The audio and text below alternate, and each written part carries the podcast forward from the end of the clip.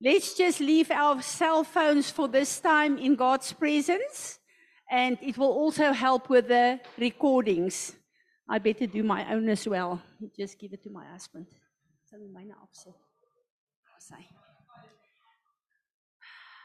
I think we are still waiting for a few, but I think we can start.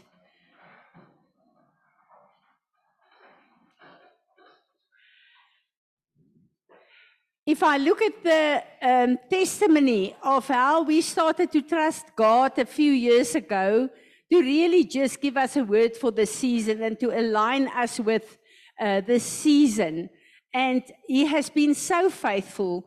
And those of you who were here uh, when we prayed three weeks ago, Rudolf, um, we really just felt that the Lord said to us, you know, it's awesome to have all the signs and all the things that they do, but there's a place when we need to stand and say, our seasons, God is in control. He's our provider, and we are not looking at all the negative things that they say. We are in a relationship with God, and we trust God for what will happen in our harvest and in our uh, on our farms. So uh, this morning, those of you who were here the last time Apostle Tim was here, um, enjoyed it so much, and it was so uh, uh, such a wonderful thing for us to really just hear the word of God and to be encouraged. And um, uh, today we've got the privilege to have him here as well.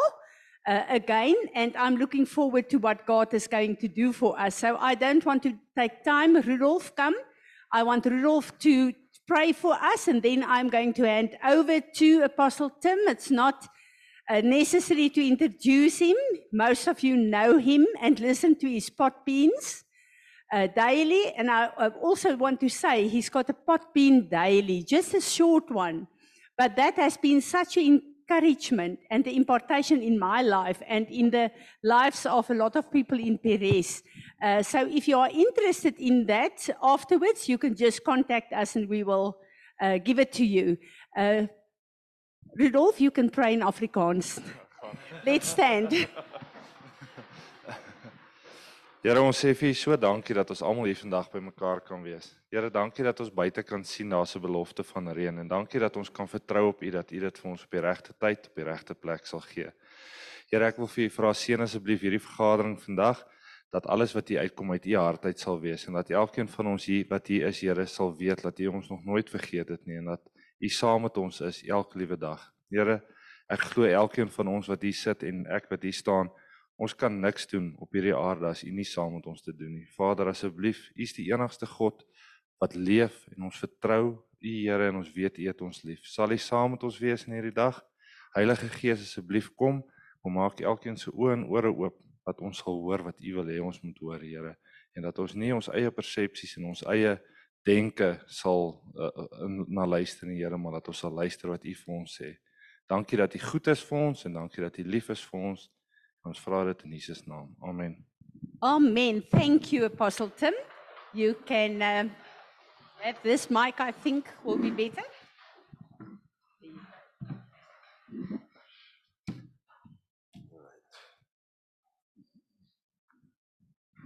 Good morning. All those in the back, way in the back. Is the anointing stronger in the back? All right, okay. Just always wanted to know. Um, well, it's a joy to be here. Some of you may not know me, and um, I'm from America, a state called Louisiana. Uh, you would love Louisiana. We have lots of guns and lots of animals. So you, we kill a lot. All my men in my church are hunters, so I don't have to hunt. they just bring the meat to me. I like it that way. Uh, it's like uh, the the children in the wilderness, and God brought the quail. That's what happens. So um, I, I love your heart for what you do in the land and what you do with God's creation. Do you know all creation groans? It says in Romans chapter eight for you and me to become what we're supposed to be. You know, when you bless the land, you're blessing the Lord because the Bible says in Psalms 24, the earth is the Lord's and the fullness thereof. That's what it says. and all those that dwell there. So, guess what? When you're doing it, when the land has been wounded, the land cries out for restoration. And what you guys do in the land is you bring life to what the land was purposed to be. And, you know, when God would ask in the Old Testament, when he'd tell Israel to go kill this tribe and all their animals and everything. Why? Because that land had become corrupted with sin and it was time to cleanse the land. So God speaks through the land. It says that in Romans chapter 1 that even if somebody doesn't hear, quote, the gospel, that creation will tell them about the Lord. So I want you to understand that your importance of honoring what God put here. We're stewards of this land and you guys are stewards of the land. You're blessing what God put here to bless everybody else. You know, there's always a fight for the land. Did you know that? If you want to fight, talk about land. Have y'all ever experienced that here? Uh, I heard the government likes to take away land here, right? I heard that. I don't know if that's true, but I've heard that. When I, I went to Ukraine, many times I've been to Ukraine, they say it's considered the richest soil in all the world. And uh, it's called the bread basket of Europe because they produce more crops than anybody else. So what are the what are the Russians fighting over? The land. Everybody wants the land. It says the meek shall inherit the land. So God has a purpose for the right people to own the land and to harvest on the land. And guess what? You have been called to be stewards of that. So that's a great responsibility. And I want to honor you, first of all, as somebody who eats what you do. uh, that I honor what you do in the land, and it's very important. You're more than just a farmer. You're more than somebody does that. You're you're taking what God created and saying, Lord, thank you for what you gave me, and Lord, I want to give back because that's seed time, right, and harvest. We received it from the Lord, now we give it back, and you bless the whole world. Think about it. You feed the whole world. That's what God wants. He wants, that's what He does. He feeds all of us. So you're representative of God. Okay, so um, I want to just, I I was seeking the Lord this morning, and I, I like, Lord, what do you want me to share with the farmers today? I won't go long um, uh, because I know y'all have plenty of work to do. But I heard this. Um, this is a day of second chances. Does that make sense to you? I know I don't speak Afrikaans, so Second chances means that God has offered you something before and you didn't go after it, but now He's offering it to you again. And there's a time where you missed opportunities that God was saying to do something or offering you a blessing and you didn't walk in it. And I feel like the Lord said, Tell the men, tell the ladies here today that I'm offering it back to them again, a second opportunity. It can be that very thing when they did Passover in the Old Testament one time, uh, there were many people that couldn't get there. They missed it. And so they went to Moses and they said, Moses, we missed Passover. We wanted to be there. We couldn't because of this reason or that reason. And Moses sought the Lord, and the Lord said, I'll give them a second chance. They can have a second Passover. And so he allowed them to have that opportunity. So I feel like that's what we're here to do today. Uh, let me tell you a little story in the Bible that may bring understanding to this, because this is the word the Lord gave me. There's a place in the Bible, it's called Kadesh Barnea. And uh, it's a place, it's located in the southern part of Israel, down near the border, near Egypt, down toward the Egypt area. And it's, uh, it's not far from the Mediterranean Sea, but it's down there. And it's, it's the very place where God intended for Israel to go into the promised land. That's that's the place it's supposed to be. Today there's still a community there. If you actually go there today, uh, it's also one of the most. Uh, it's a place of one of the most traumatic or tragic accident uh, play, uh, events in Israel's history, because it's a place where Israel rebelled against God, and they didn't enter the promised land, and as a result, they went through severe judgment and had to be in the wilderness for 40 years. So it was a, supposed to be a good place, but because of their inability to enter in, it became a negative place. And I want to ask you a question today. Are there some things the Lord's asked you to do, or you felt the Lord's prompted you to do in the past and you didn't do, and now you're suffering for it? If that's true for your life today, I'm telling you, God says, I want to bring you back there, and I want to give you a second chance to go in. And I want to just encourage you that I believe that's what God wants to do. Now, one of the reasons they didn't want to go in there is because they saw the giants there. They saw the difficulties, how hard it was going to be. And uh, so they just thought, wow, it's going to be so hard. I don't know if I want to go in this way. And so that was that was uh, the big issue that they had. Now think about Israel.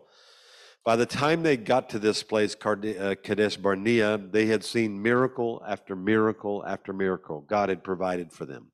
They saw the 10 plagues in Egypt, right? And they survived them all. They were able to survive them all. They witnessed the, the Passover when this death angel came over Egypt and the firstborn were died and their firstborn did not die. They saw all that. They saw uh, the, the experience of crossing through the Red Sea. They saw all that as well. Uh, he provided them, they didn't have water, so they had water come out of a rock. Um, they stood in that place of, uh, of looking at the giants, the first ones they saw, the Amalekites, and they God uh, held Moses' arms up and they defeated the Amalekites. Uh, uh, this all happened to them on the way to Kadesh Barnea. This all happened to them. there. And they received, all of a sudden, God brought manna. They didn't have food, so God gave them uh, manna. And so we see this, this story that witnessed all that God could provide for them. And they were just like, you would think, if that was you, right? You would think, if God can do that, He can do anything.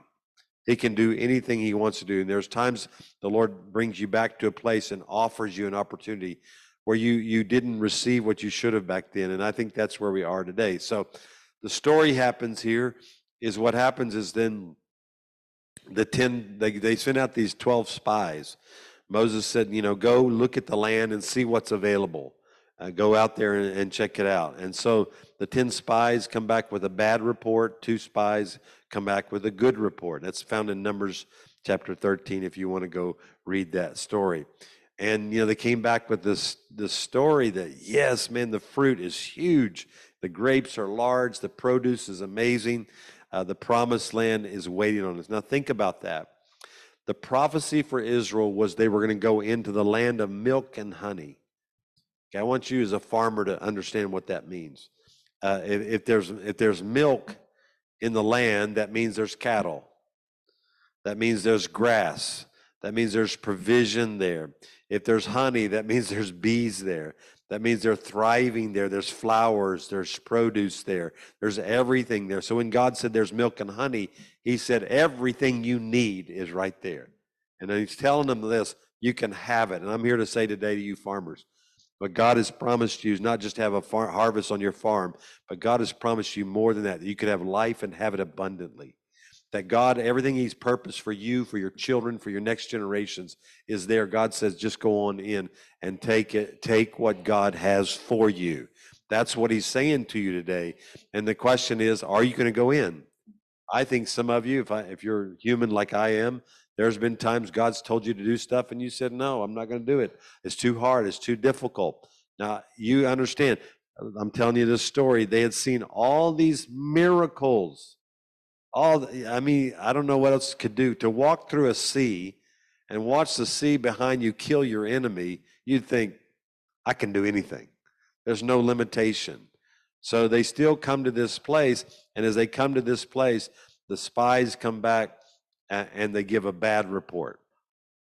Yeah, the food's good, the produce is good, the honey, the milk's there, everything's there, but they got giants there. And these dudes are big. They're so big we look like grasshoppers in their sight. So therefore I don't we don't think we should go in. And then, you know, Joshua and Caleb are like, "What are you talking about?" You know, look what God's done for us. There's fruit. God said we can have this. Let's go get it. And I want you to know just because a majority votes one way doesn't mean they're right. You understand that? In democracy, we vote, right? And we think because everybody voted for one thing, that was the right thing. That's not true. That's, you know, in, in the old days in America, if you ever watch those our, our old cowboy movies, you know, if they said a guy stole a cow, they'd get a rope and want to hang him from a tree. And a gang of people do that. And, and he may not have done it, but because the, the vote was do it, they took him out. So the 10 that were voting for this were wrong. So don't look at the majority because I want to say this to you. Most of the time, almost every time you do something right for the Lord, you're going to be in the minority. You're going to be one of the few that wants to do it. Everybody else, nah, don't want to go there. Uh, you know, I, I don't feel comfortable there. But the, the minority says that. I love about Caleb. Later, later in the story, when Joshua comes on the scene and they win the battles, uh, they were trying to divide up the land, and Caleb wanted some territory, and he asked for this place, a little town called Hebron. And you know why he wanted that land? He said, because that's where the biggest giant in the land lives. And I want what he has. And that's what I want you to have. I want you to look at what the enemy has that belongs to you and belongs to the kingdom and say, that's the area I want to take it. I want to go after it. Now, here's the thing they didn't want to go in because there were giants. And most of the time, when we look at obstacles in our life, we do not want to take territory because the uh, obstacles seem too big. And so Israel's mistake was we don't want to go in the giants. So guess what they did? 40 years they had to wander in the wilderness. You know what they had to do for 40 years? They had to face giants for 40 years. They had other giants they had to face. I want to say this to you. You might as well face your giants. Why? Because you're going to, if you don't face them today, you're going to face them tomorrow. They're not going to go away. In the land of Israel today, you're watching the war. If you watch the news, y'all have news here, right? It comes here. I, I, I didn't know if it came to the farms or not. But uh, you're watching the war. During Joshua's time, when he actually ruled the land, God told him to take all the giants out of the land. He said, remove them all. And he did for the most part. There were times that he would say, it said Israel did not seek the Lord.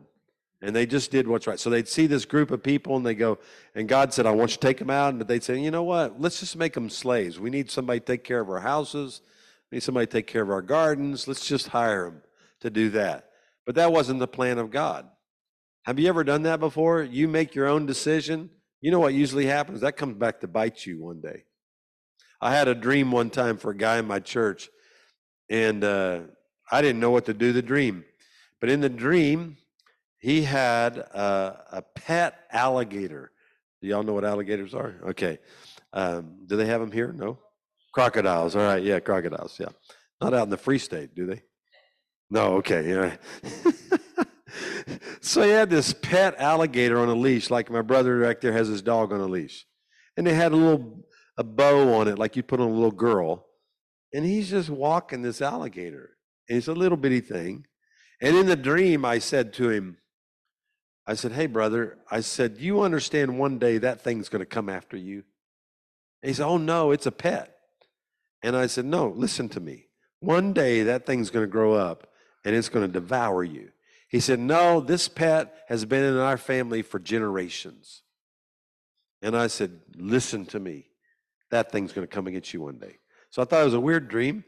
I, I didn't want to give the guy, he's a young man in my church. And I thought, wow, what, how do I give him that dream? He calls me like a week later, out of the blue. He said, Hey, Pastor, can we have lunch? I said, Oy vey. Okay, so I mean, I realized what the Lord was up to, which I didn't care to talk about. But anyway, so I, I, I come to him and we have lunch, and I said, You know, brother, I had a weird dream about you that night. And I shared the dream about the alligator. I said, Does that mean anything to you? He goes, Nope, can't think it means anything at all. I said, Is there some sin in your family that's been there for generations that you have not removed? He says, No, none that I know of. I said, You better watch out. Satan's creeping at your door. He wants to devour you. You think it's a pet. It's not, it's serious. And he didn't listen to me. About two, three months later, I found out he had fallen into an adulterous affair and he was in adultery. And so, after a while, after he got caught by his wife, he came to counseling. And I said, Brother, you remember that dream I gave you? He goes, Yeah, I do. I said, Tell me about that. What about this about generation? He says, Yeah, my father was an adulteress. My grandfather was an adulteress. Every man I know in my family line was an adulteress. I said, I want you to understand something. I said, when you play with sin, it will devour you one day. You think you can get away with it for a while, but you cannot. It will devour you. You think you got it on a leash and you can control it. You cannot control it. And I want you to understand that. Israel was playing with things right here in their life, idolatry, things like that. Joshua was playing with God when he didn't remove those things that need to be removed. And today, when you go and look at Israel today, there were three areas that Joshua did not remove the giants from the land. Three areas. The first area that he did not remove them was from Gaza. That was the first area he didn't remove from. Where are they fighting right now? Gaza. A second area is a little town called Hebron, eventually. Israel now has battles right now with the Palestinians in Hebron. And the third area was the Golan Heights. And that's where all the rockets are coming to them right now. So, 4,000 years ago, they were told to remove the giants. 4,000 years later, they're fighting the same giants. I'm here to tell you, men, ladies, you better get rid of the giants in your life. Face them today. Don't wait for another day. Don't think you can just play with this thing. It's serious. It's a serious because God wants you to go in and get everything He's promised you. You know, I know y'all are isolated. Many times you're out there, you're away from the world, but you're closer to the Lord there than you realize. But you still have families. Who knows if your kids are going to stay on the farm? Who knows what's going to happen with your family line? Because some of them are going to leave. And if they leave not knowing the truth, then what's going to happen? They're going to fall to the world when they leave. Even in America, the statistics are that children that are raised in church, 80% of them, when they go to college, leave the, the faith. They walk away from God. That's not, it's not enough to be in church. They need to know the one they're going to church for, which is the Lord Jesus Christ. That's their heart. That should be their heart. So I want you to understand this. I'm telling you this story because I believe some of you need to go in and take your land. Take what God has promised you. Take what you feel you're called to, to walk in, and even for South Africa. That's you know I'm not here to, to talk about the nation per se, but I want you to understand that South Africa has a purpose, and they they have made mistakes along the way. The, uh, they have not removed the giants from the land, and you're still fighting the same giants, right? So this is a second chance for South Africa. It's a second chance for you to go in and take territory. So the question is, are you going to be one of the 10 spies who says the giants are too big? Are you going to be one of the two spies who said, hey, the bigger they are, the harder they fall? You understand? And they and they, they realize the bigger they are, the more goods they're carrying. Okay. I, I had a word from the Lord. He said, he spoke to me very clearly. He said, Tim, I want you to raise up an army. And he gave me a purpose to raise up an army for. And I said, Lord, it's, I said, I don't know where to find them. It's hard to find warriors. It's hard to find those that will fight with you. Okay? It's very difficult. People say they sign up for the army, but when it comes time to fight, you can't find them. You know, they're, they're, they're somewhere else. And the Lord said, Don't worry. He said, Most of your army is in the enemy's camp right now. So, one thing I'm doing now is I'm praying them out of the enemy's camp. I have a couple new warriors in my church now. They were in the world. They were secular rock and roll band. They were secular. Traveling the country, and I called in an army, and they got born again, radically saved a couple years ago, and they're in my church now. And they're two of the most phenomenal warriors I ever seen, and they were in the enemy's camp just a short few years ago, and they're accelerating the Lord so fast. They're passing up people that have been in the church for 15 and 20 years because they're so hungry to learn the, from the Lord and His ways and to go into what God's promised. They said, Look, we've tried that stuff out there. It's not any good. We want the good of the land, what God has provided for us. So I want to say this here's what the land looks like um, uh, when you're about to take territory. It looks big and plentiful, uh, but most of what you're believing for is in the hands of the enemy like Franzi and Johan here are looking to buy property sometimes, right? I think y'all should own the whole town and get everybody out of here, right? That's what I think. But let's say they want to buy that land there, and, and the Lord says they can have that land. Well, the enemy has the land. I'm not saying those people are the, the are the enemy, but the, the land is in the hands of the wrong people.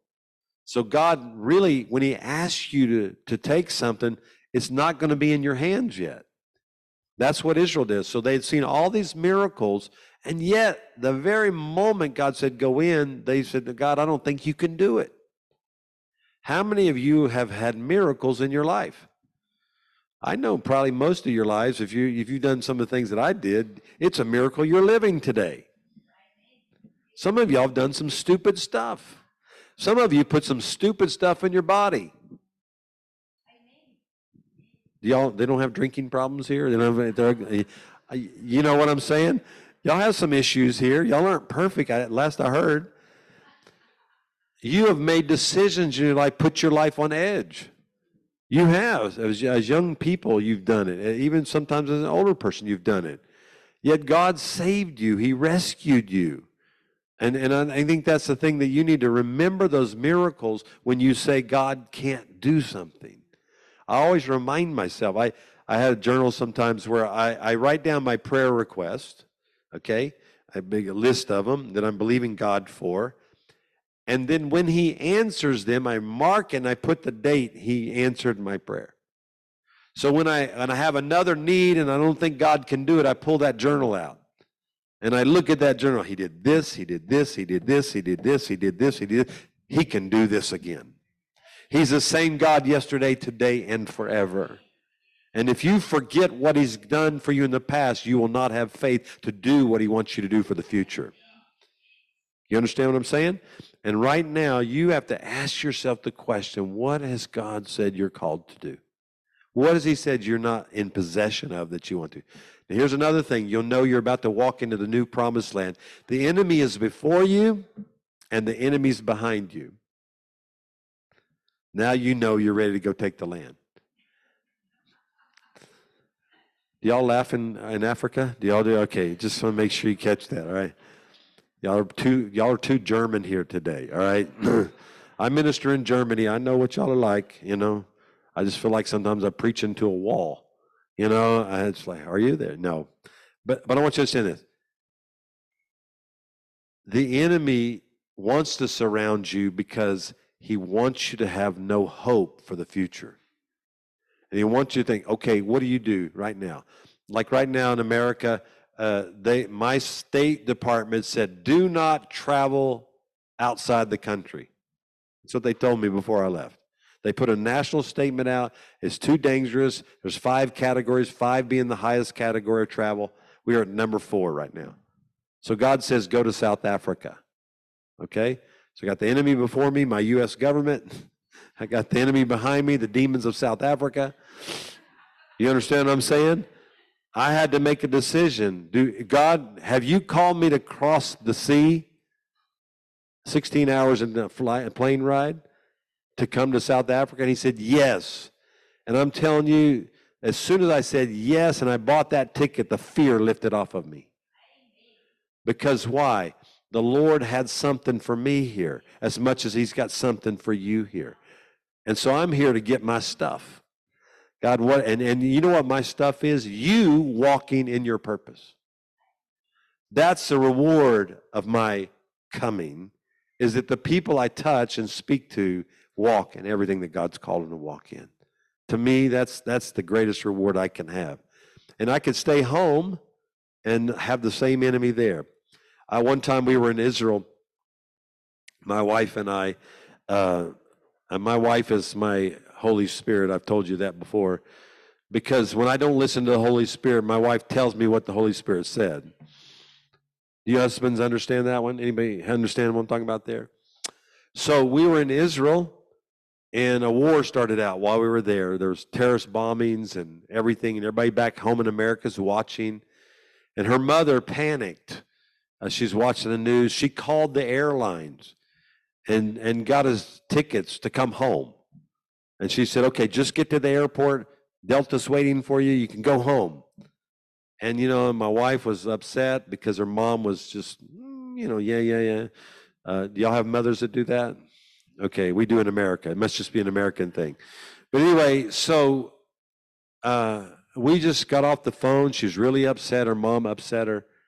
And she just started praying. We just started praying. And this is what the Lord gave her. This is the word the Lord gave her.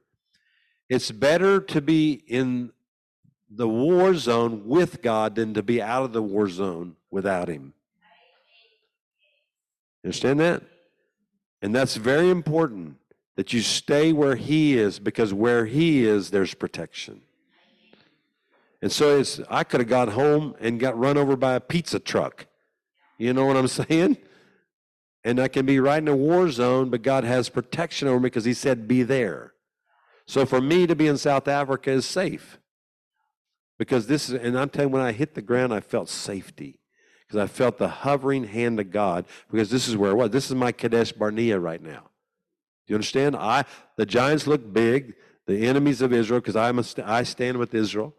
I, I do a lot of things, and, and uh, South Africa has a government that does not stand and actually stands against Israel. Okay, so I, the demons in this state, this nation, don't really care for people like me. The demons don't. People like me most of the part, I guess. Maybe you don't like me. I don't know. But the, the thing is, I have to be here because that's where the will of God. This is the promised land for me today. Where are you supposed to be that you're not? Where have you said it's too big, it's too difficult to be, and I'm just going to stay where I am, I'm going to stay home? Look, there's nothing more miserable.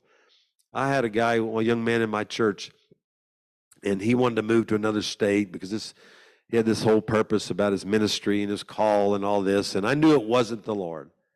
But the Lord said, No, let him go. You just let him go. And so him and his wife, uh, they just thought the promised land was over in this other area. You know, I always say this. There's a saying in America, I don't know if they say it here, the grass always looks greener on the other side of the fence. Do y'all have that saying?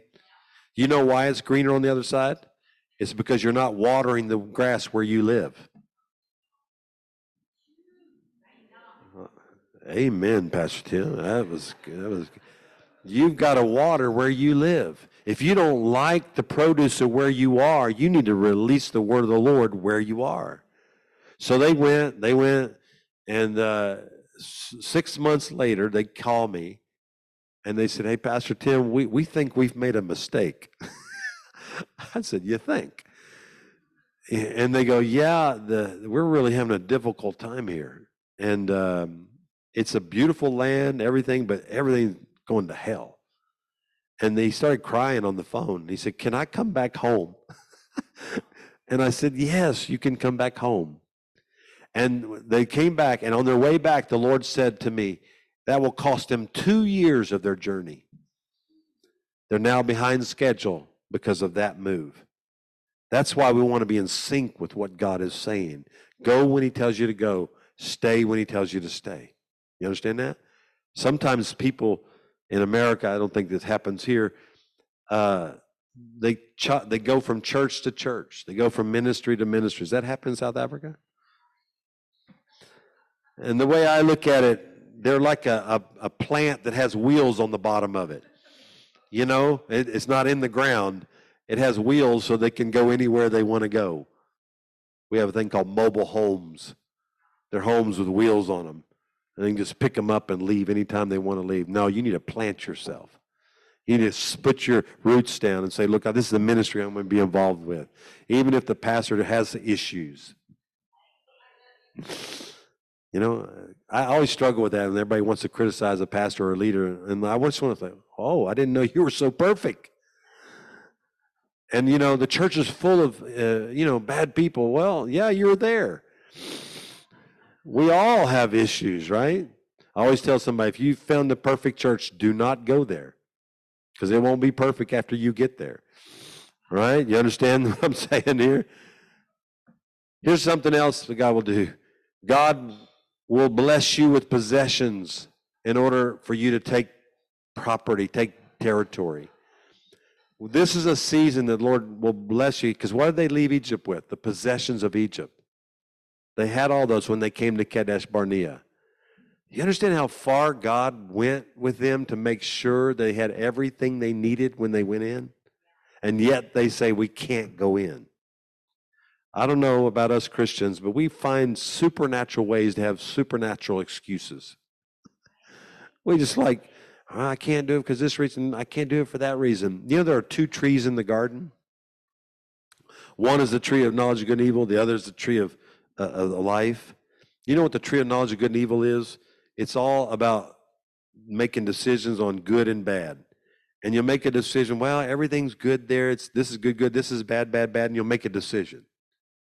When you go to the tree of life, you ask one question: Lord, should I do it? Yes or no. You don't look at the good and the bad. You just say yes or no.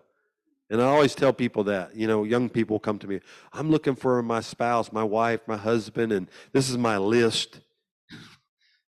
They need to be this, this, this, and this, and this. I said, Oh my God, get rid of that list. You know, who can meet that criteria? You know, in that sense, I said, You need to ask Jesus, Is this the right person for me? Yes or no? Hello. My wife you know, my wife's very beautiful and naturally, spirit, you know, she is too spiritually. And when I, I'm just an average dude, right? So when I was dating her, we were getting married. Uh, her picture was in the paper because they put it when you get married to somebody. And my barber, he, he was cutting my hair right before my wedding, and he goes, "Tim, I saw your the girl you're going to marry. She's beautiful." I said, "Yeah." He goes, "Why is she marrying you?" You know, she she goes, "Did you did you date her in the dark?" You know, and I said, I said, I said, um, no, but uh, here's what it was. We were in a, uh, meeting at our church. Uh, we were a singles group, and the Lord, the the leader, asked me to pray during the meeting, and I prayed like Rudolph did here a while ago. And while I prayed, the Holy Spirit captured her and said, "That's your husband." You'll marry him. See, I could have never got her had not the Holy Spirit said that. Some of you don't have anything unless the Holy Spirit made it happen. God gave you a spouse, He gave you land, He gave everything to you. Do not get prideful about what you've accomplished. Understand that? God gave it to you because He loves you. He gave you a possession in order you could go in and take everything that God has for you. Okay, and the last thing I'll say is when you go in, you'll be the minority. I said that in the very beginning. Most of the things we're called to go after, we will be a minority that wants to go after it. So let's say we're going to believe for the free state to be transformed. Here's the greatest miracle I think you could probably see in this city, Bothaville. We're going to have faith that they're going to fix the roads. That's almost like crossing the Red Sea, right? That's pretty close to that miracle. okay?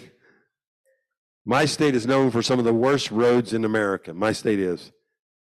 After I come here, I say, we have great roads. okay? but here's because when we say that, let's say God said, believe for the roads. But you know what that really means? That means the corruption has to be dealt with. That means that there are people that are not doing the right thing have to start doing the right thing. That means that everything that's in darkness has to be exposed. It's more than just getting new roads. And so what you do is you can say, I can believe for new roads, and then you start thinking, wait a minute, those people that are stealing the money and not repairing our roads, I, I don't have faith for that. You limit God when He said you can have new roads. Begin to say, I can have new roads. Uh, let's, let's make that a matter of faith the next time I come back here, you're going to have new roads where I can keep my teeth in my mouth, you know. So, you know, every time we hit a pothole, you know, I'm cr- crunching my teeth. and that means the government will be transformed here. Look, I shared this with them the other day. I came from a state in America called Louisiana. We were the most corrupt state in the nation, by far the most corrupt. Our, our leaders were they stole from every area. Here, here's what one of our governors did. This is how bad it was. This governor, he we, we have, you know, you have a president, but you have a governor. He's kind of a little president of each state. He uh, we have state workers. We have thousands of workers that work for the government. And so he owned in the state capital, he owned all these office buildings, just tons and tons of office buildings. So what he did when he became governor, the state has its own buildings for its employees. He took all the employees out of the state buildings and put them in his buildings and then charged the state rent for his buildings. Okay, that was just the beginning.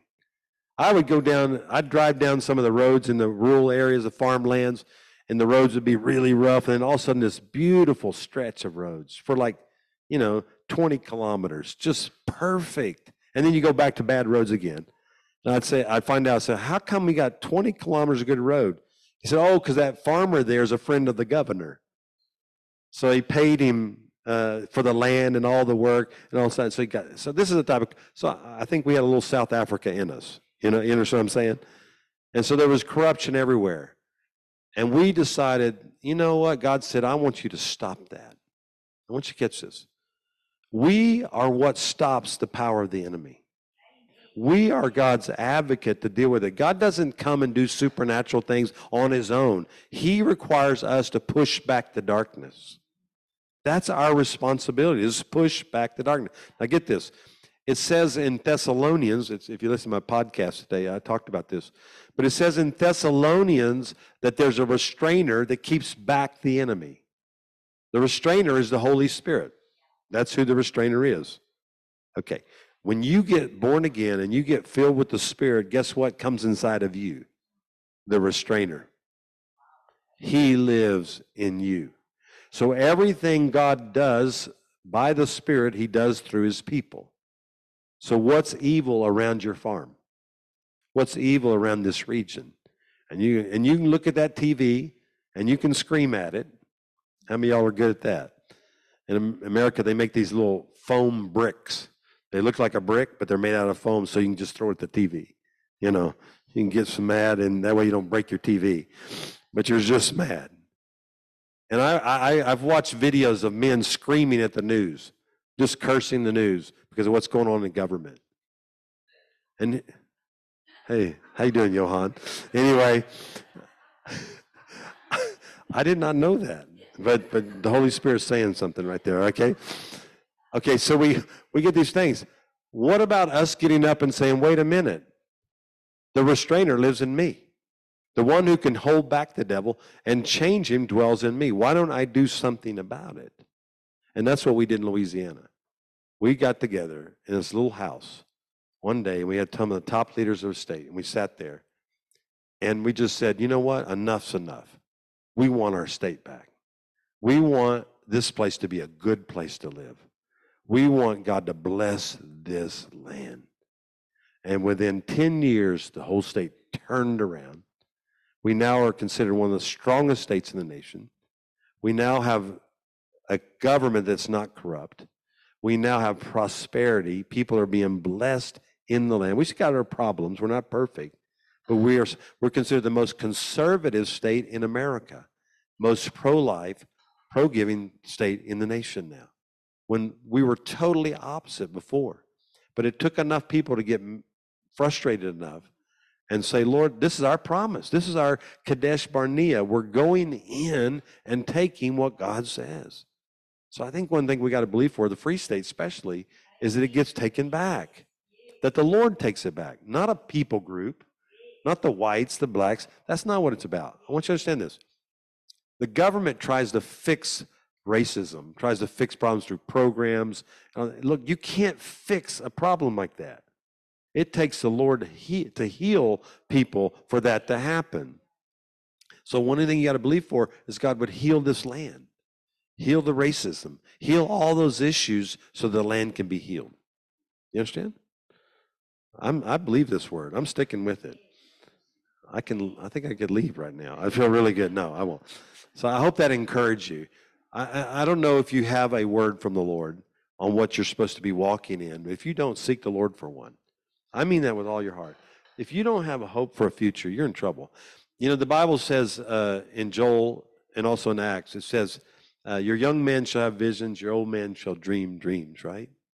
Now, I, I, I, I'm, I'm growing in age, so I don't want to agree with that. Old men have dreams. So I have night visions. That's what I have. I just call them night visions. And uh, it just so happens my eyes are closed when it happens. But anyway, old men dream dreams. And I thought about that. What does that mean, Lord? Why did you say that? Old men dream dreams. And it says, the Lord said, because the older you get, you should still have, you should still have a dream for the future. You should still have a dream not only for your own future, but for the next generations. And so I'm still dreaming. I'm dreaming for a better America, for a better South Africa. I'm dreaming for that. Because guess what? I got children, I got grandchildren, I got other things like that. And, and, I, and it's more than just me. It can't be just about me. So I keep seeing a future and a hope. I want to be like Moses. It says he died full of vision and full of strength. I don't want to just fade off in the land, you know, just I've watched that so many times guys retire and die. Just die because they didn't know what to do outside their work. And I think that's not what we're called to do. We're called to continue to work. I have been checking the Bible and looking for it really hard. I can't find anywhere where it says you get to retire. If y'all find that scripture, please send it to me. I've been looking for it because I'm trying to retire. But but the Lord won't let me find it. Everywhere I see you work until the end. Even when Paul died, he said, Well, you ran your race, you finished it. And then he died. You understand? He didn't have a, a 10 year retirement, a 20 year retirement. He finished and died. Is that a good word? So you better work till the end. You don't want to come before the Lord and say, why did you he'll say, Why didn't you work hard those last 10 years? Why weren't you serving me the last 10? Well, that was my retirement, Lord. He said, I didn't retire. Why did you retire? All right. That's a word for somebody in this room right now. This man works all the time. I'm telling you, he's always doing something, right? He didn't, he may have finished his job, but he's still serving. Find where you're supposed to serve. Ask God where you're. So here we go. I'm going to close with this. You're at Kadesh Barnea. Picture yourself there. What God has promised you of areas you've not walked in, God said, I'm giving you a second chance. If you haven't served the Lord with all your heart, today's the day to start to do that. I'm going to serve Him with all my heart. I'm going to give everything to Him. I know we promised God a lot of things, but go ahead and make that commitment to the Lord today. Let's pray. Father, I thank you this morning for these precious men and women who, Lord, take care of your land who serve you with all their heart on the land. And that, Lord, they produce a crop that blesses the world. And Lord, they're special to you because, Lord, you connect with the land. And I pray right now today, if there's anybody here today that's not committed fully to you, that this would be the day of decision. This would be the day that they give you everything, that they don't withhold any good thing from you. They give their whole life, their spirit, soul, and body. They give all their might, their strength, and to serve you. And Lord, if there's promises and discouragements from the past that they believed for and didn't happen, Lord, I decree today is a second chance day that they get to go back into the land and they get to everything that you promised them, Lord. I speak to their children, their children's children, that, Lord, that every generational uh, anointing on these families would come to pass. That, Father, they wouldn't miss anything that you have for them. And Lord, I break the lie that says the giants are too big. I say, Lord, you can do all things and you do all things well. And you're not afraid of a giant, so nor should we be. So we just say, Lord, thank you that they are an easier target because they're easier to identify so they can fall. The, the land is fruitful and it's full of life, and we want it now. Lord, I want to agree with for the Free State that, Lord, this region would be turned to the Lord. That, Father, that you would expose everything that needs to be exposed. And I want to prophesy this that the sword of the Lord is coming to this area. And I saw the sword hit the ground. And the Lord said, This is a moment of the severity and the kindness of God kindness for the righteous, severity for the wicked. For the Lord said, I'm marking those who stand with me and those who stand against me. For this will be a day of identification, the Lord says. Watch in the free state corruption be exposed. Watch. I saw something under the ground. There's some corruption under the ground. And the Lord said, Watch for something that's been exposed that's being done underground. And it'll be exposed above ground. And this will be a sign to you today, the Lord says, about the Kadesh Barnea word. When you see these things, you say, That crazy guy from America said this. So therefore, I'm going to believe I can go into the land of promise, which you promised me, Lord. I make that declaration in Jesus' name. Amen. Amen? Okay. Thank you, Franzi. Oh, good. Let's take an offering. No, no, I'm just teasing. I'm teasing. Yeah. That's that little boy. All, all these little boys are bragging about what their dad did for making money. And he, his dad was a pastor. And they were saying, oh, my dad makes this much. My dad makes this much. And he said, well, my, you don't know. My dad writes this little thing called a sermon. And every week it takes eight men to take all the money up. all right. I'm going to pray over some of you, if that's okay. I, probably, I can't pray over everybody here, but I'm going to pray over some of you and just ask the Lord what He has for you. If you need to leave and go, you know, harvest or whatever, you're free to do that. Uh, I'm not offended when people leave. I said that Sunday. I've had hundreds of people walk out of my meetings. I've never had a problem with that. Um, I don't know if it's my preaching or what, but they do walk out. But I want to just see what God has for you. And if you don't understand this ministry, of what I'm going to walk in. Uh, here's the best thing I can tell you. Just God speaks to me and I tell you what he says. Is that, that pretty simple? I've had that before and I've, I've done this in groups that didn't believe in that. Uh, I went, I one time I had a Baptist church. Anybody Baptist, former Baptist? Oh, good. I was. And, and we don't, we don't believe that God speaks. We didn't believe he speaks at all. And uh, so I got invited this Baptist, this friend of mine, he, he was open to what I'm doing.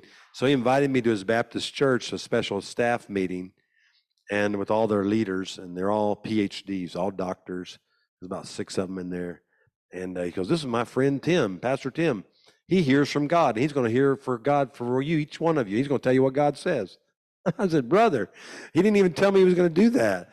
And so I was like, and these dudes, these dudes didn't believe in this. I thought, oh well, I thought they don't know me. I'll just do this and run. You know, that's what I'll do. So, so, so I did it. It took me two hours to pray for six people. The God Spirit fell so strong. They were all weeping by the time we left. The pastor pulled me aside, said, You don't understand what you did today. He said, I have these supernatural encounters and I can't tell anybody. There are people out there that need what you have. Don't judge them by what their religion is and what they do. Speak what God tells you to speak over their life. I just encourage you to do that. Okay. So let's pray for some of you, all right? You okay? Okay. What time is it? Anybody know what time it is? I'm, I'm good? Okay. I don't want to do that. Lord, we thank you. Just open your spirit over this house. Okay. Lord, I thank you that you speak to our hearts and you'll speak to me about these, these, this house and what you're doing here, Father, in Jesus' name. Amen. All right, this guy right here, uh, what's your name? Yaakov. That's right. Jacob, right? Yeah. It is Jacob because my son's named Yaakov, so I know that. I'm smart, right? Um, I saw this on you. The, the, um, there's such a joy. Uh, some people think you're a tough guy, but you're a teddy bear. You're just really a kind man. You really carry a lot of kindness on you. And there's a lot of compassion on you. And God gifted you with this gift to touch so many people. You're a giver. You love to sow and help others. You're always thinking about how I can touch somebody else. And I want you to know that's a gift from heaven. And there's a season you're about to walk into where God's going to identify people and needs. And you're going to walk and you're going to be the Jesus that shows up in their life right when they need an answer. They're going to say, God, if you love me, you would do this. And what's going to happen is Yaakov's going to show up. He's going to show up on the door and he's going to say, Look, I don't know why I'm here, but I just want to do this for you. And when you do, Jesus is coming to that house. I want you to, I want to encourage you. Your discernment level is going to go higher. And God's going to, because you actually move by your heart. You actually are led by your heart.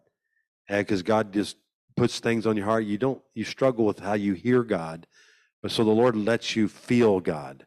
You feel him and you do what you feel is right. And you function in that. You function in that gift that you have. And I want to say this, Yaakov, you're a blessing to the kingdom. And you're a blessing to the earth. And you're a blessing to so many people around. You've gone through some difficult things in your life.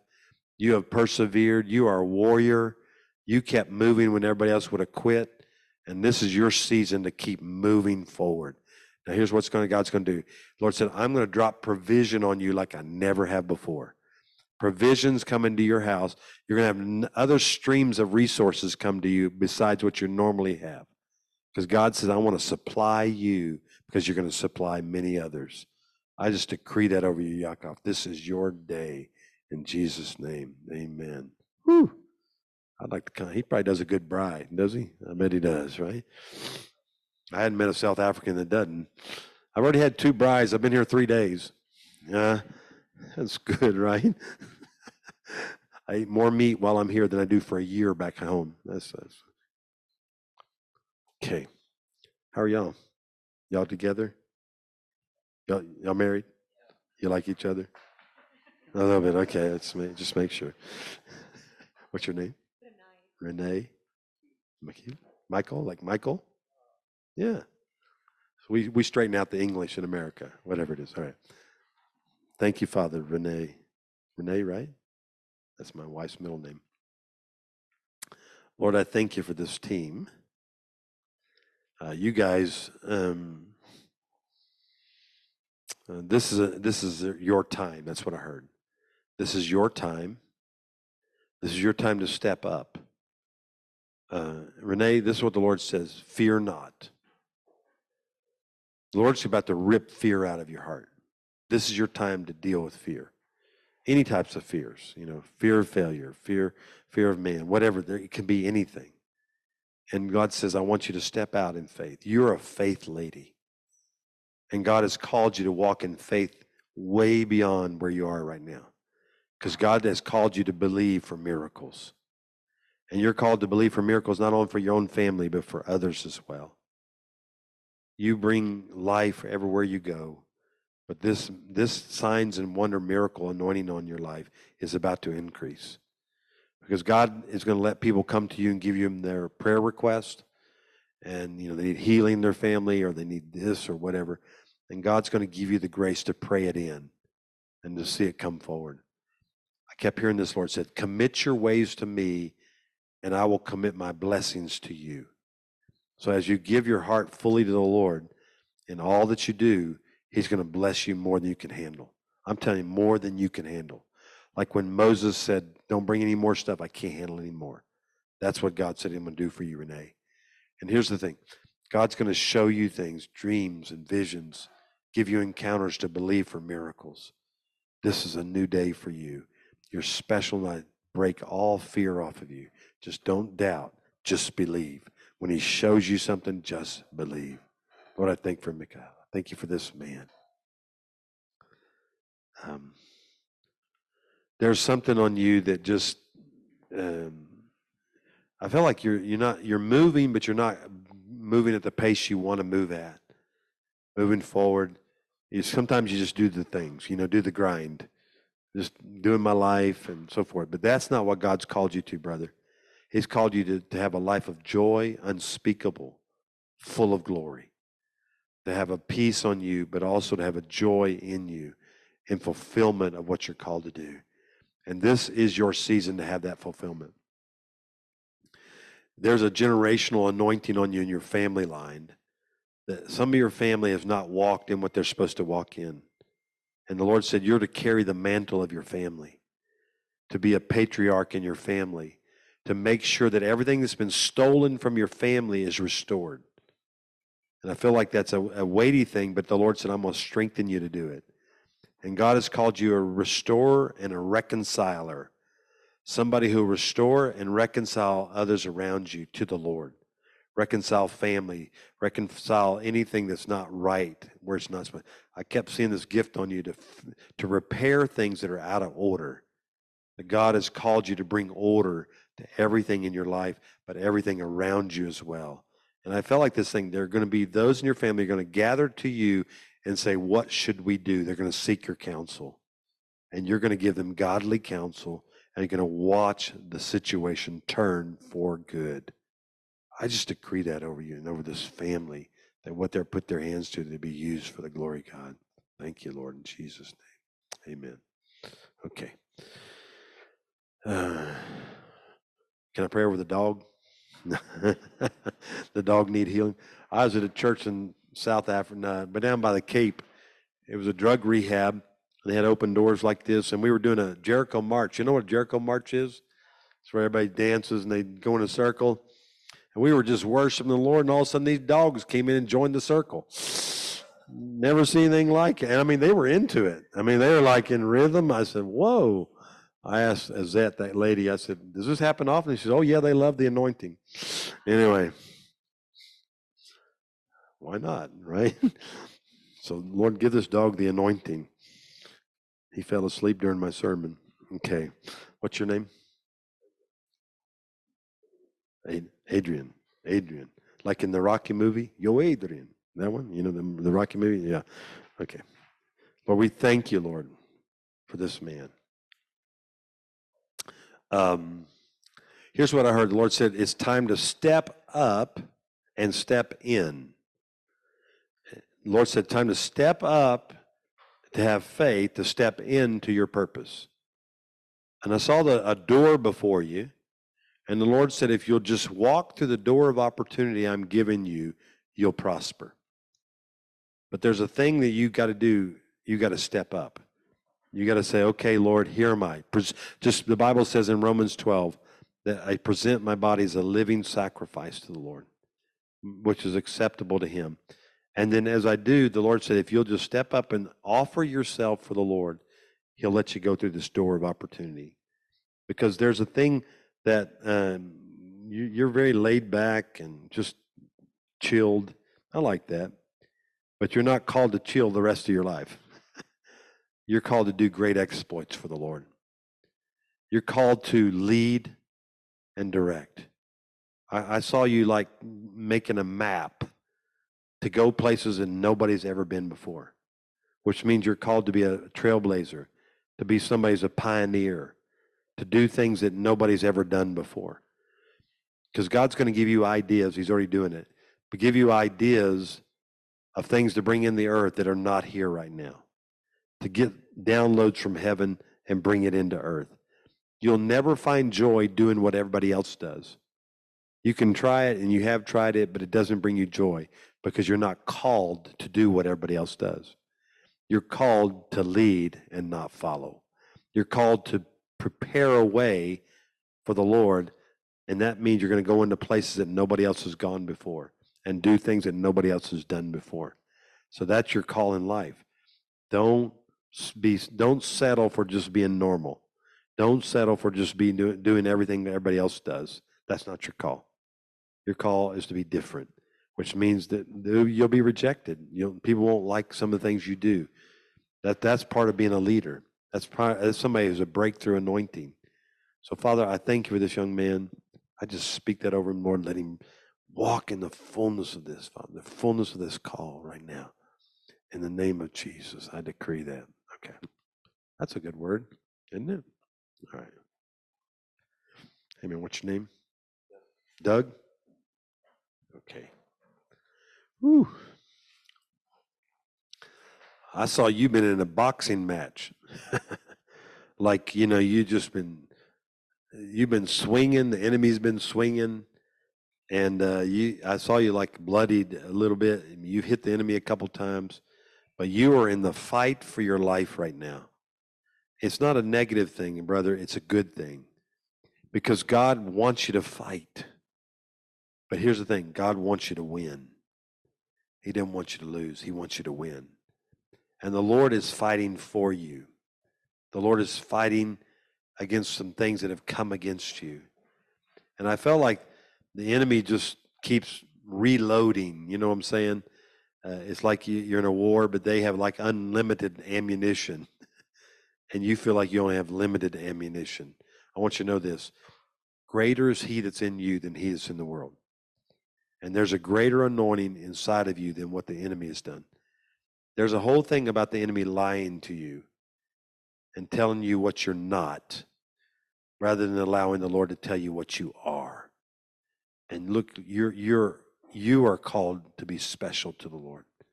You're special in His eyes. You're a son. I feel like the enemy tried to tell you you're not a son.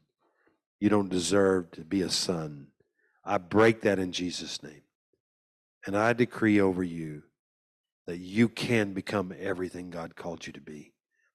Uh, there's a whole thing as well as that you feel like your past mistakes have limited you to the future. The best part about forgiveness is it removes the sin as far as the east is from the west. That's how great his love for you is. And I want you to know God's willing to remove your sin as far as the east is from the west and bring you into a new season. And I want to decree that over you that you can come into a new season. That you don't have to stay in this season that you're in right now. Of, of you know, sometimes we feel like we get on a roller coaster. You know what that is? Up and down, up and down. And the Lord said, he, I want to bring your mountains down and raise your valleys up. So you just have little waves rather than ups and downs. And then you can start getting some traction. So the Lord said, I'm going to give you some new wheels for your vehicle. I don't know what this means, but I don't know what kind of vehicle you drive. The Lord said, consider getting new wheels to get better traction. It's going to be a picture to you because God said, I want you to start getting some traction and moving forward and beginning to advance in the days ahead. So I just want to say this the Lord's fighting for you, and you can be victorious. I break the assignments of Satan. I say, This man is the Lord's. Lord, you called him a long time ago. You called him as a young man to be a warrior. And we call him into his warrior anointing right now.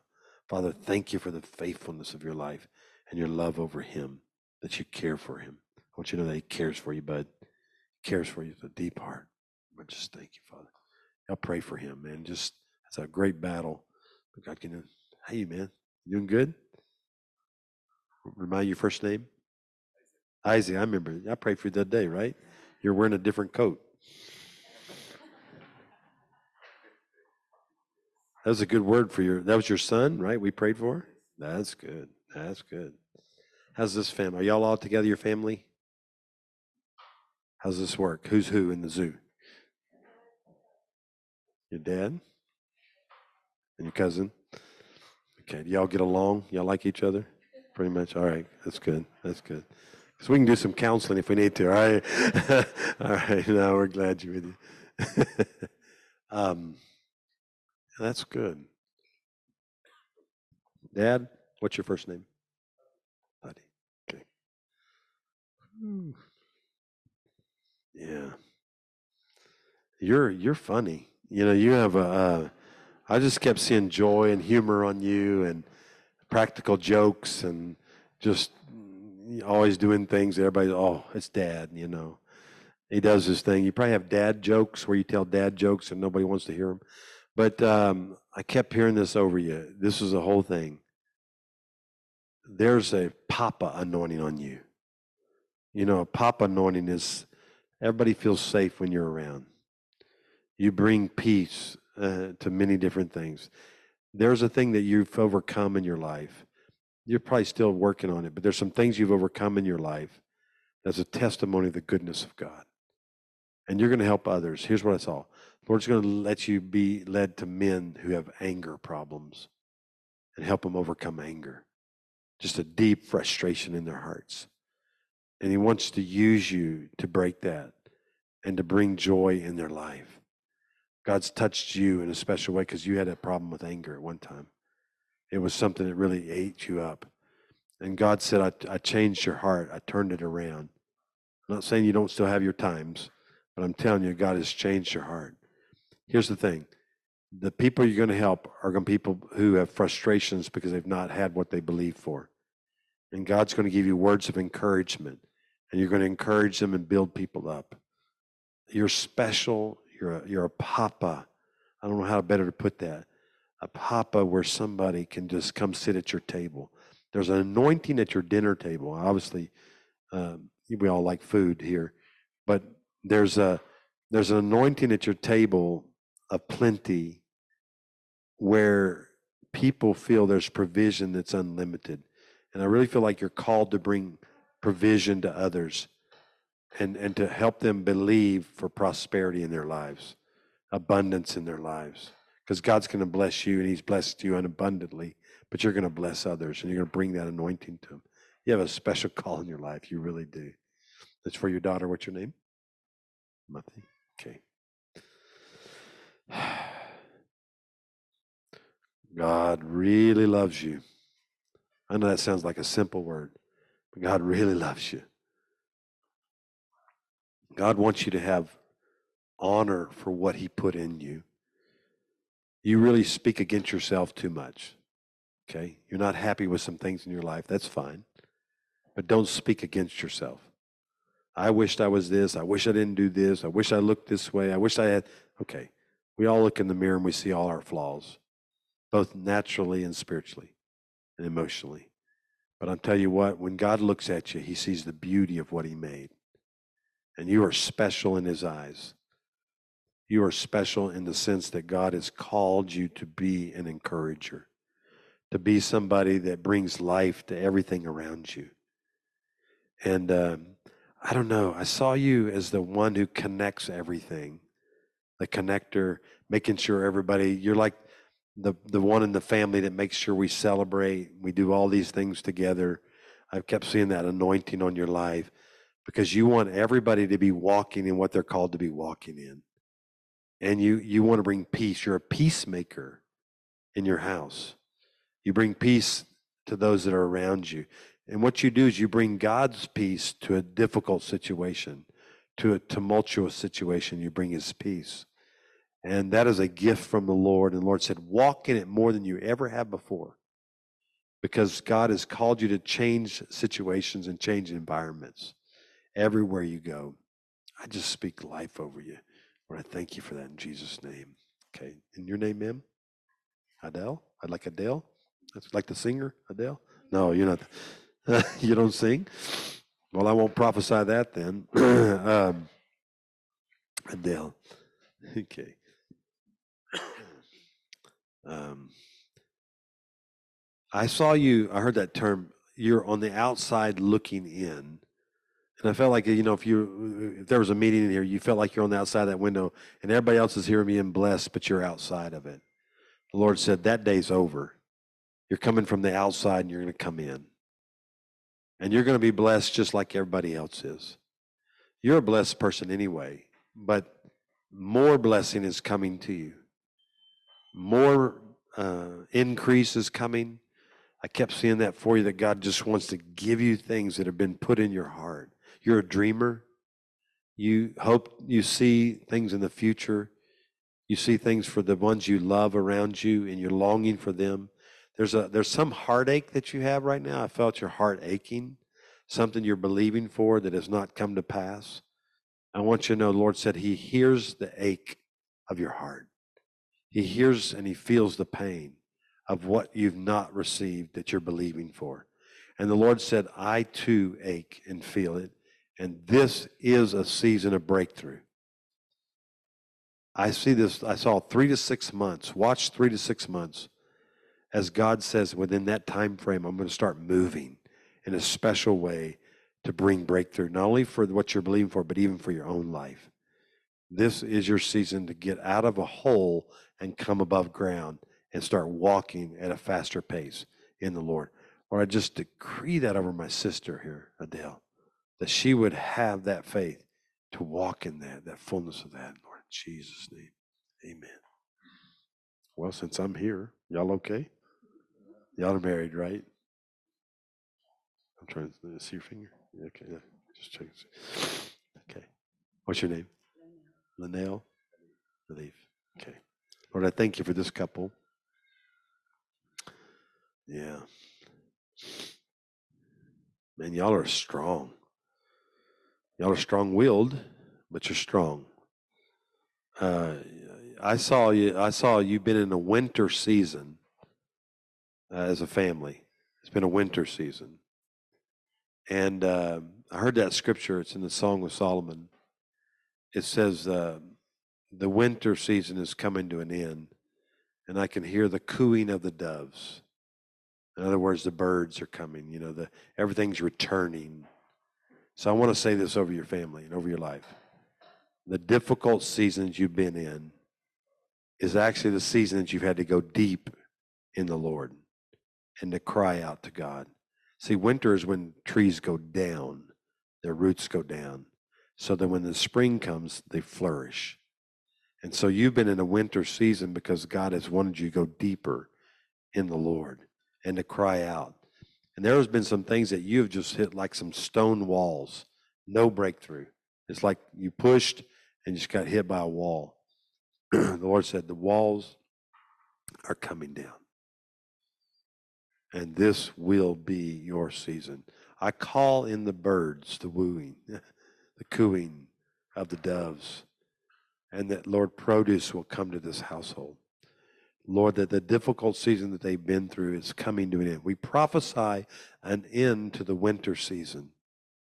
And Lord, bring them into the spring. Bring them into the harvest of the summer. Lord, I just decree that over their lives and over their family and what they've been believing for. In Jesus' name. Hope that makes sense. Okay? Excuse me, some water.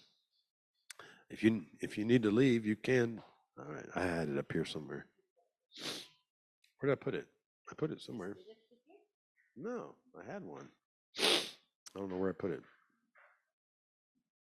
No. Okay, thank you. Thank you. I knew I had one. Thanks. Yeah, I saw something for y'all. You're together, right? Yeah. And the, all y'all all together? There's four of you? That's what happens when you get married. yeah, be fruitful. I have three boys, all adults now. And my middle son married a woman who wanted to have girls. And I told her our family doesn't do girls, they do boys. And I have two grandsons. Amen. I love it. Okay. What's y'all's names again? Okay. Okay, I won't remember that, but that's good. Uh, yeah, yeah. but I, I do see this on you guys. Um, I heard the word lineage before I even knew you had your kids here. But lineage means there's a legacy that God has called you to walk in, and you're producing a legacy of greatness. I want to say, and these your boys, right? Y'all are the boys, right? And I feel like God wants you to to produce this. You produced it now, but there's something greater God has for you, even at this time of your journey. That in this journey, that yeah, you want your kids to carry on what you started, but there's this thing inside your heart that you want them to carry on the goodness that's there. And I just feel like as you've sown in the goodness of the Lord, the Lord said you'll see it produced in generations after you. And this will be the leg- legacy of your family that you walked in the goodness of the Lord. Remember when Moses was on the mountain and he wanted to see the Lord, and the Lord said, No, I'm going to pass my goodness before you. And what he showed him was his backside. That was his suffering. That's stripes on his back. So he saw the future of what God could restore.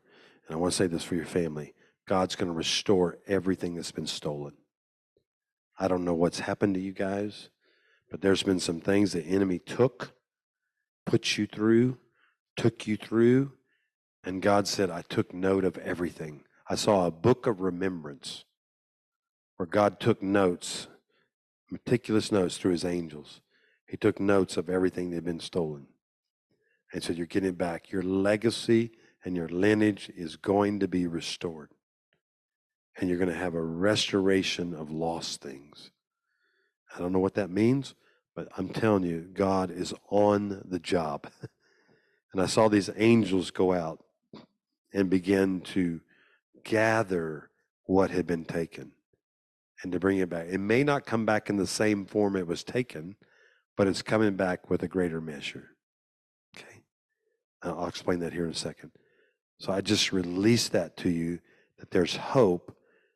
The pain you went through is going to produce a greater gain than you ever thought. You almost got bitter, but the Lord said you pushed it back. And I want to say this now now you can be better rather than bitter.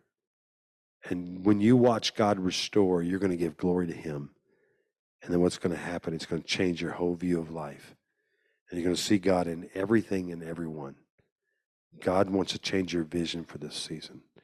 Lord, I just call that into being. I just say that, Father, you can do that for him. You're a good man. The pain's real, but the healing's going to be more real. Heal his heart. Lord, heal mama, heal everybody. Lord, thank you for these boys that, Lord, they're walking in their fullness.